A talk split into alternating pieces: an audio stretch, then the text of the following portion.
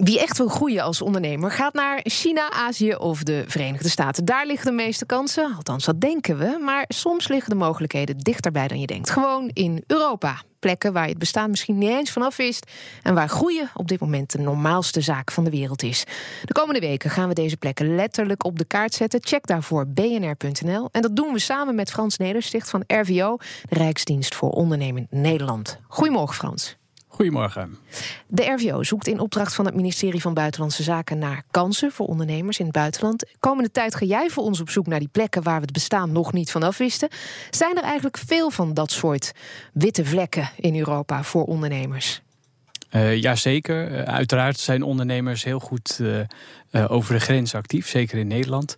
Dan denk je vaak aan Duitsland en België, maar er zijn binnen de Europese Unie nog een heleboel andere regio's die minstens zo interessant zijn voor ondernemers. Noem er eens eentje. Ja, ik kan er een paar noemen. De, de ICT-startups in Litouwen, vliegende auto's in Slowakije, de nou, opkomst van rundvlees in Bulgarije, dat soort dingen. Ja. Zeggen jullie ook heel duidelijk waar je niet naartoe moet? Want dat verandert neem ik aan voortdurend. Gebieden die het juist wel of niet goed doen. Nee, wij, wij laten dat eigenlijk wel over aan de verantwoordelijkheid van ondernemers ook. Maar de, wij gaan vooral uit van de kansen die ondernemers hebben. Welke regio heb je vandaag voor ons gevonden? Ja, we gaan uh, vandaag, om, om even af te trappen, gaan we naar uh, Aragon. Dat is een regio in Spanje, Noord-Spanje. Uh, ligt ongeveer tussen uh, Catalonië en, en Baskeland, zeg maar, of Castilië. Um, wordt aan de zuidkant begrensd dus. door uh, Valencia. ja, Spanje. Um, en het is, een, het is een vrij grote regio. Het is ongeveer 37, 47 miljoen vierkante kilometer. Dat is ongeveer dezelfde formaat als 47.000 vierkante kilometer, moet ik zeggen. Het is ongeveer zo groot als Nederland. en daar wonen maar 1,3 miljoen mensen. En dat betekent uh, dat er heel veel ruimte is. En dat blijkt ook wel, want ze hebben daar het grootste logistieke uh, park van Europa. Oké, okay. en wat is dan de economische waarde van dat gebied? Het is groot, of nou groot, net zo groot als Nederland, maar er wonen minder mensen. Ja, dat wel. Maar het is wel zo dat binnen in een straal van 300 kilometer rondom uh, Aragon, of Zaragoza moet ik dan eigenlijk zeggen. Uh, rondom Zaragoza, 300 kilometer, wonen 25 miljoen mensen. Dan heb je het hele Iberische, Iberische schiereiland, uh, Frankrijk, zelfs delen van België en Zwitserland en Italië horen daar nog bij. Dus het is een, een, een vrij centrale regio, dat wel. En is dit nog zo'n witte vlek waar we het over hadden? Of zijn er al Nederlanders, Nederlandse bedrijven die de stap hebben gewaagd naar dat logistieke centrum? Nou, er zijn zeker wel wat bedrijven die daar uh, actief zijn, maar het kan nog veel meer. Um, het logistieke park waar ik net over sprak, dat is Plaza. Um, dat gaat over uh, 13 miljoen vierkante meter aan uh, logistieke ruimte. En dat is vlakbij de luchthaven ook van Zaragoza. Um, en in die 13 miljoen, zeg maar, er zijn nog plots beschikbaar van 200.000 vierkante meter. Uh, dus dat, dat zijn behoorlijke locaties. Het is ook redelijk goedkoop. En ze hebben daar ook een, vrij hoog opgeleide bevolking. En het is daar ook gewoon leuk wonen.